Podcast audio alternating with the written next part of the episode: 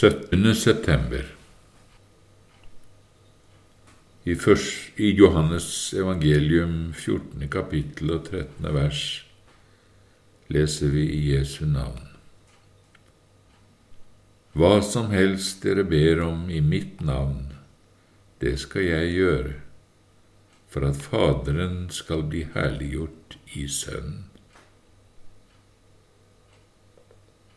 Rosenius sier, her skal vi legge nøye merke til hva det vil si å be i Jesu navn. Å be i Jesu navn betyr egentlig å be med grunnlag i Jesus stedfortredergjerning. I bønn ved tro og påberope oss stedfortrederens rettigheter. Det er dette som ligger i selve uttrykket å be i en annens navn og som er vel kjent fra det daglige liv. Det er dette som skjer når en rik og vel ansett mann gir sin kausjon og anbefaling til en bank, for at en person som selv ikke har sikkerhet nok, kan få det lånet han trenger der, på den andres navn. Ved en kausjon fra en slik vel ansett person går den som trenger hjelpen, med stor frimodighet til banken. Og banken er da også så trygg og klar til å hjelpe låntakeren med det han trenger, at låntakerens egen mangel på formue og sikkerhet ikke betyr noe. Vi behøver ikke mer enn denne kausjonisten, sier banken. Slik går det når vi får komme i en annens navn. Dette hjelper oss å fatte hva det betyr å be i Jesu navn, og som i vår kirkes bønner vanligvis avsluttes med ordene Ved din Sønn Jesus Kristus, vår Herre. Og ser vi på sammenhengen omkring den teksten vi har foran oss i Johannes 14, finner vi vel også dekning for den oppfatningen at det å be i Jesu navn også innebærer at vi ber overensstemmende med Jesus sinnelag. Men skal vi på rett måte kunne be med grunnlag i Jesus stedfortredergjerning og be med Jesus sinnelag, da må der ha skjedd det Åndens verk i hjertet som har gjort oss til Guds barn og til Jesus sanne disipler.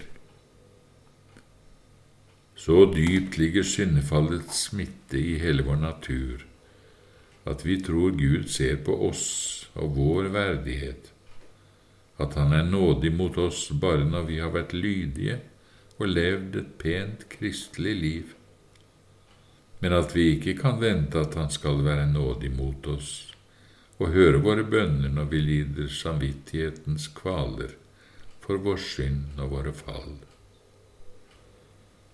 Sanne barn ble i omvendelsen så tilintetgjort og knust av loven at de bare med stor nød kom gjennom den trange port, av bare nåde, for Kristi fullbrakte stedfortredergjernings skyld. Så ble de fullkomment frelst og salig i denne troen på Kristus alene. Likevel sitter denne selvrettferdighetssmitten så dypt i hele vår natur at selv disse sanne Guds barn tusen ganger, ja, så lenge de lever på denne jord, igjen og igjen faller i samme villfarelse, at Gud skal være nådig og høre bønn deres bare i samme grad som de har vært lydige og fromme men derimot ikke vil høre bønnen deres når de er blitt overrumplet av synd og kjenner seg uverdige. Men å komme fram i bønn med den holdningen at Gud skal høre oss i samme grad som vi selv er verdige, det er akkurat motsetningen til å be i Jesu navn, eller med all sin tillit til hans stedfortredergjerning. og hvor mye nød og knusende erfaringer vi må igjennom før vi omsider helt og fullt mener det når vi i bønn til Gud sier bare på Jesu verdighet, bare i Jesu navn, bare for Hans skyld, vær meg nådig og gi meg av det gode, selv om jeg bare har fortjent alt ondt. Men når dette er så vanskelig selv for gjenfødte Guds barn, hvor totalt umulig er ikke da for et uomvendt menneske å kunne be en eneste bønn bare grunnet på Jesu verk alene? Like umulig er det jo også i den ugjenfødte tilstand å kunne be med Jesus sinnelag. Av hjertet hadde den samme trang og bønn som Herren Jesus selv, som var det andre som hørte med i det å be i Jesu navn. For bønn skal være uttrykk for hjertets begjær og hjertets trang. Men tenk for et nådens underverk når jeg oppdager at jeg ved troen har fått et slikt hjerte.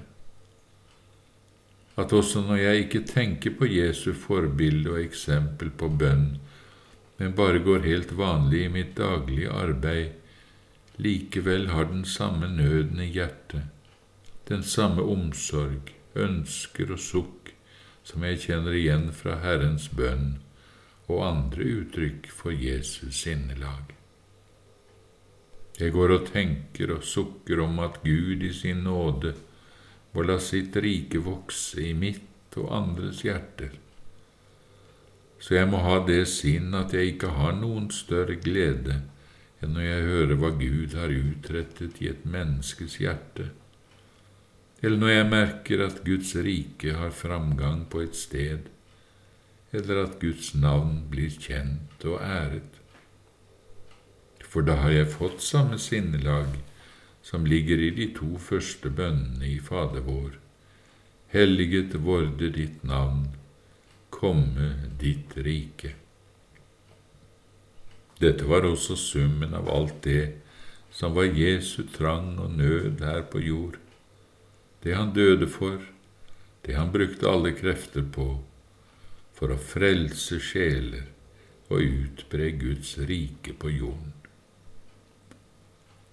De som går og sukker for akkurat det samme, som har nød for sjelers frelse, Gled og fry deg over at du har fått den nåde å ha samme sinnelag som Jesus.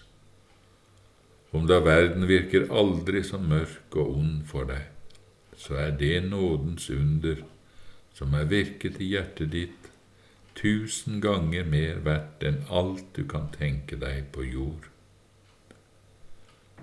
Når du uten å tenke på Jesu forbilde eller på bønnene i Fader vår kanskje både dag og natt går med dette sukket, Å, om Gud ville drive sin vilje gjennom med meg, selv om Hans vilje skulle hindre og døde min egen vilje, ja, da er det samme sinn i hjertet ditt som i den tredje bønn, skje din vilje. Våkne opp med fryd og undring over det underverket som er skjedd med hjertet ditt, at samme sinn er i deg som i Jesus. For en nåde, for en herlighet, at samme ånd bor i oss som i Gud. Er ikke dette et bevis på at vi har fått del i Guds natur?